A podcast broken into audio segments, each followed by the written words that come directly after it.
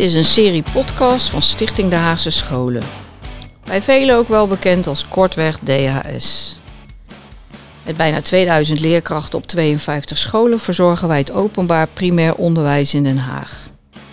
Deze serie gaat over onderwijs maken. Leren doen we op heel veel manieren. En daarom kan het ook niet anders dan dat ons onderwijs talloze invalshoeken heeft. Ik ben Annemarie van S en voor de Haagse scholen op zoek naar hoe onze collega's onderwijs maken. Want we vullen ons vak allemaal op onze eigen manier in. Iedere leerkracht heeft zijn eigen kracht.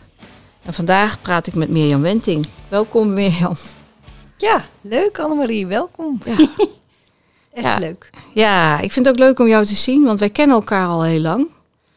En ehm, ik weet dat jij met bijzonder veel passie bezig bent met jouw eh, ja, onderwijs wat je maakt. Want het is heel speciaal. Hè? Jij bent eigenlijk een van de bijna enige die niet in het PO werkzaam is. En toch voor DHS. Ja, best wel bijzonder. Ja. Ja. Vertel eens, je werkt voor de piramide. Ik werk voor de Pyramide, dat is een school voor leerlingen met een langdurige ziekte of met een beperking. En ehm, ik ehm, werk daar nu al 15 jaar met ongelooflijk veel plezier. Met een fantastisch team ambulant begeleiders, want ik ben ambulant begeleider. En ik ben dus eh, een van de gelukkigen die naar het, eh, zeg maar in het, eh, de buitendienst noem ik het altijd gekscherend. Wij gaan dus naar heel veel, in mijn geval, VO-scholen, reguliere VO-scholen, die een hulpvraag hebben voor een leerling die veelal langdurig ziek is en af en toe een leerling met een beperking. Ja. En ook heel veel collega's van mij gaan naar het primair onderwijs, hè, want we Ja. hebben alle twee bedienen we. Ja. Ja. Om, om, om de leerling op maat te ondersteunen. Hè? Inderdaad, ja. Dus zeg maar, een kind eh, eh, wil heel graag eh, bijvoorbeeld op de buurtschool blijven, maar heeft een ziektebeeld of een beperking of zit in een rolstoel of nou ja, noem het. Dan, ja, dan zegt een school, luister, we hebben een hulpvraag. Wij weten niet zo goed hoe we hiermee om moeten gaan. Willen jullie ons komen helpen? En dan hebben wij een adviserende rol daarin. En hebben we gesprekken met, eh, uiteraard, met de leerling, met de ouders, met de school. Veelal ook met artsen over de belastbaarheid. Het is een heel breed eh, gebied hè, waar je eigenlijk mee bezig bent. Je zult ook heel veel medische kennis eh, moeten opdoen op, op- hè, wil je die kinderen goed kunnen bedienen. Inderdaad, ja, dat leer je gaandeweg. Eh ik bijvoorbeeld, eh, eh, ik werk veelal samen met uh, Juliane Kinderziekenhuis. eh, veel leerlingen met diabetes. En dat is vice versa. Het kan zijn dat zij een, een nieuwe patiënt hebben, een, een leer, een, in dit geval dan een kind, zeg maar, met diabetes. En dat ze even een mailtje sturen naar mij of naar een collega van, joh, luister, heb je tijd? Want de school kan wel wat hulp gebruiken. Maar dat kan ook wel eens andersom zijn dat ik ze nodig heb, omdat de waardes enorm schommelen. Van joh, roep ze even wat eerder op, want eh dat gaat niet goed zo. Dus eigenlijk over en weer hebben jullie contact over bepaalde vragen. Ja, zeker.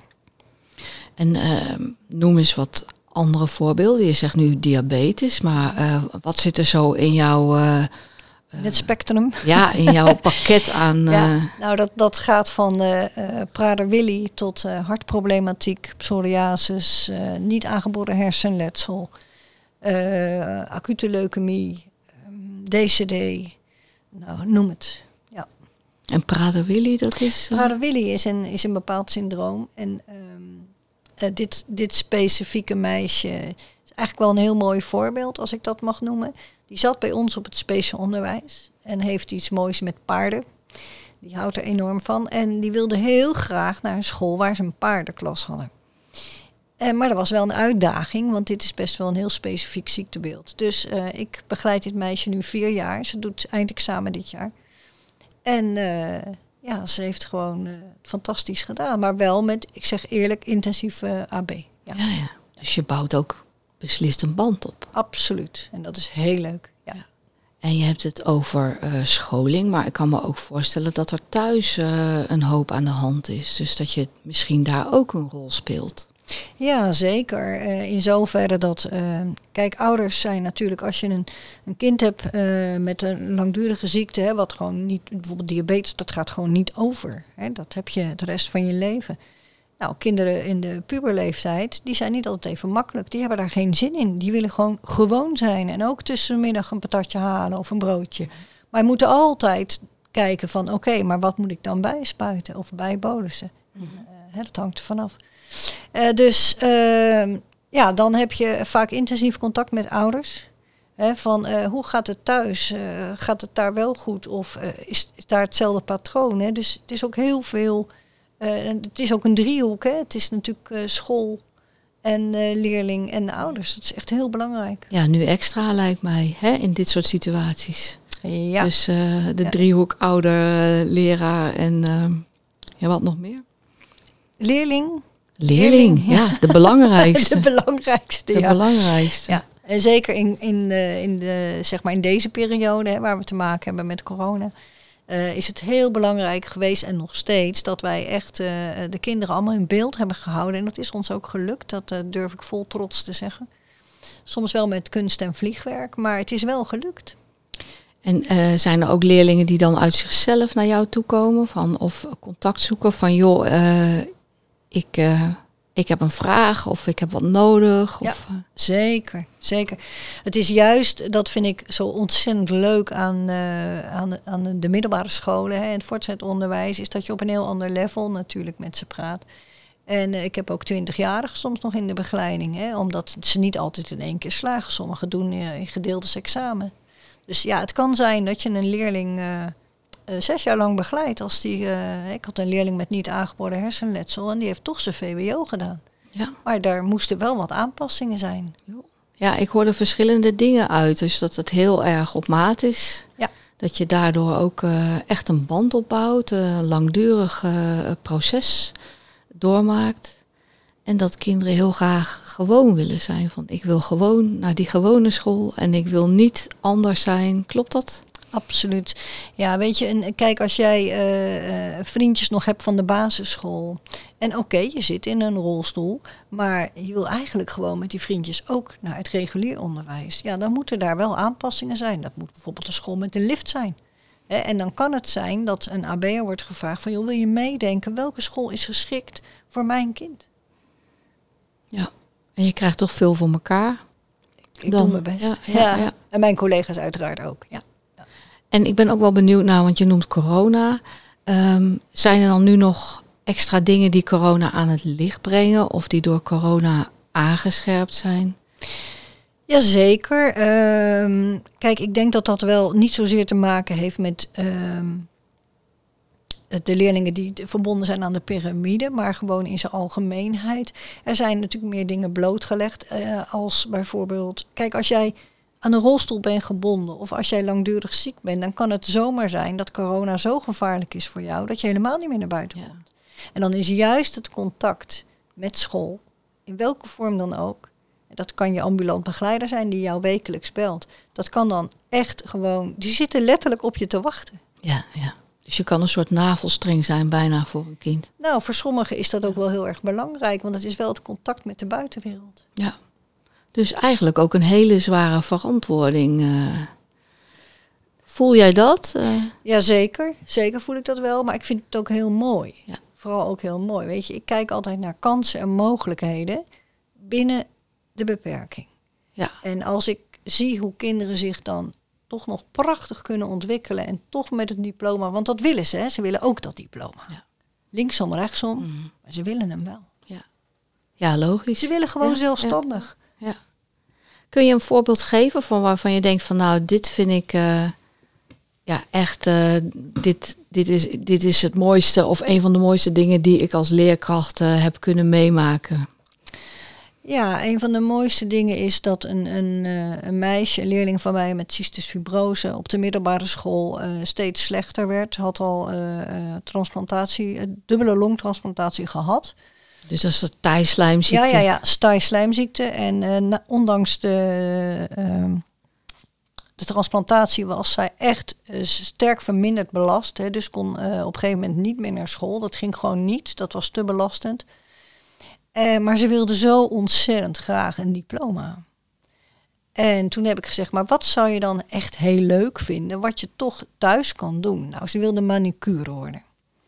Nou, toen heb ik echt eh, nou, via niet de gebruikelijke weg, moet je echt out of the box gaan denken van hoe kom ik aan een opleiding die op maat gegeven kan worden thuis. En dat is gelukt. En haar gezicht toen ze dat diploma kreeg, was goud waard. Dus uh, out of the box op maat. Ja, want het was haar eerste diploma na haar zwemdiploma. En verder had ze nog nooit meer een diploma gehaald. Ja. Ook al het feit dat je gewoon uh, succeservaring hebt, hè? dat lijkt me Nou, heel belangrijk. Dat is voor zo'n voor zo'n eh, meisje, in dit geval was dat zo vreselijk belangrijk van, maar dat, dat lukt me wel. Ja, en dan ga jij ook van stralen. Ja, uiteraard. Ja. Aan de andere kant lijkt me ook wel heel eh, zwaar, want je hebt natuurlijk successen. Je hebt ook eh, ja, dingen die onherroepelijk eh, misgaan als je het hebt over zwaarzieke patiënten of kinderen die eh, eh, ja, misschien wel overlijden. Het gaat, zal ook niet altijd over rozen gaan. Hoe verwerk je dingen of hoe, hoe deal jij daarmee? Nou, dat is wel een dingetje hoor, want dat is best lastig. Kijk, je weet dat als je gaat werken op een school met langdurig zieke leerlingen, dat het zomaar kan zijn dat leerlingen, dat, dat je die verliest.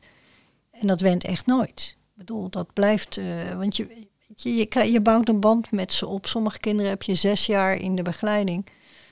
En dat, uh, dat blijft lastig. Maar kijk, het is bij ons op school wel dusdanig geregeld dat als het nodig is. Kijk, je, we hebben elkaar. Je praat er met elkaar over. Je hebt een teamleider, je hebt een directie. En als er meer nodig is, dan kan dat. Ja, dus je hebt ook uh, heel veel uh, aan elkaar, zeg maar, als team. Zeker, zeker. We hebben een hecht uh, team van ambulant begeleiders. Een deel werkt in het PO, een deel werkt in het VO. En dat, uh, ja, dat is echt uh, met heel veel kennis en know-how. Ja.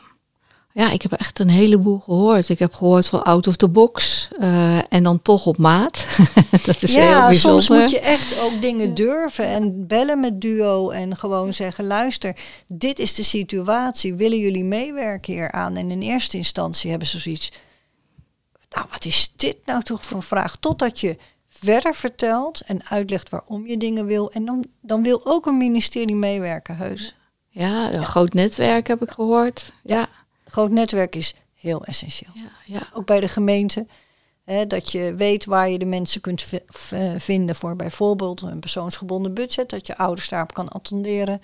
Hè, de WMO, die ook dingen kan regelen. Dus eigenlijk alle voorwaarden creëren die een kind het mogelijk maakt om zo zelfstandig mogelijk te functioneren. Ja, ja dat is heel breed, hè, blijkt.